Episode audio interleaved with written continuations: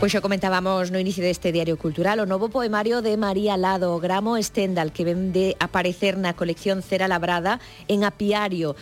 Non hai moito falábamos de María Lado con aquel volume asinado a catro mans cando Lucía Aldao eh, canda Lucía Aldao eh, uns meses antes faláramos de Uralita asinado canda Iria Piñeiro. Agora volve a nós da man da colección maior de Apiario. Alba Cid, que tal? Moi bons días. Bo día, Isa, que tal? Que estamos ante unha nova peza de María Lado Gramo Stendhal que temos aquí. Pois realmente estamos iso ante un día ante ante dun poemario individual de María Lado, unha autora que nace literariamente por mediados dos 90 nese fervedoiro de actividade poética que fora o Batallón Literario da Costa da Morte ou o Proxecto Letras, Letras de Cal, É certo que en termos de poemario individual pois non tiñamos non eh, novo poemario dende aquel Oso Mamá Sí, co precedente de Amantes, que foi felizmente reeditado por Caldeirón non hai moito.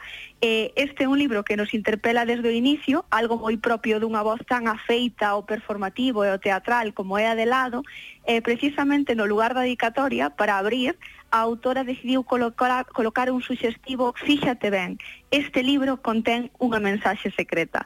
Entón, imos, imos desvelar un pouquiño, Isa. E por qué? Por que este título de Gramo Stendhal? Pois seguramente o título conecta cunha singular procura da beleza que atravesa o libro. É unha beleza mínima e esquiva ás veces, É ben coñecida esa síndrome de escandal que deriva da observación de obras de arte durante un período curto de tempo, non? É que é unha síndrome de, de afeccionados á arte ou de turistas seica. Dito, dito outro xeito, a exposición á beleza conleva certa perturbación, certo desasosego ou certa estupe, estupefacción que é capaz de alterar o noso ánimo. E con esa hipótese tamén se xoga aquí eh, onde estábeles aquí, eh, diríamos que o abano temático é relativamente amplo e aínda así o libro faise nos moi coherente. Está situado e aínda así percibímolo como aprensible para calquera persoa. Hai aquí poemas sobre un cuarto da infancia, o pé da igrexa de Brens e da fábrica de carburos. Hai un poema en prosa con salientable pulso nar... eh, perdón, este este último do que vos falaba, é un poema en prosa con salientable pulso narrativo que ata nos lembra un pouquiño aqueles poemas eh, dun poemario anterior e moi querido como Fora Nove, hai poemas sobre o estralo que conduce aos propios poemas, sobre a furia necesaria, sobre a amizade, as cartas de discoteca, sobre a morte, sobre o recordo, sobre os procesos de maduración, en fin, incluso sobre os banais xogos de espellos das redes. Pero, en suma, coido que este mm, moito menos do que un gramo de beleza que aparece por un momento no poemario é precisamente o que lle dá sentido a ese título. E canto hai da poeta María Lado que coñecemos e canto de novo?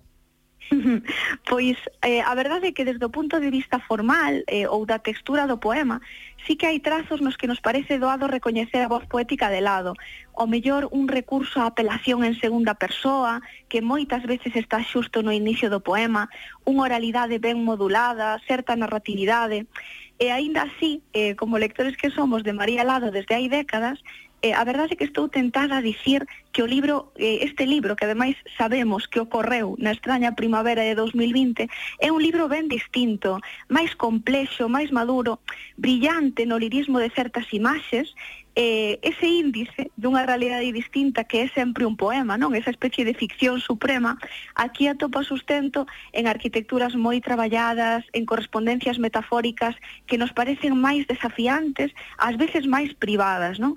E penso, pois, non sei, nuns martiños pescadores que aparecen por aí, na levidade duns martiños pescadores, lostre o ceo abaixo, di, que serve para caracterizar a dous amigos adolescentes.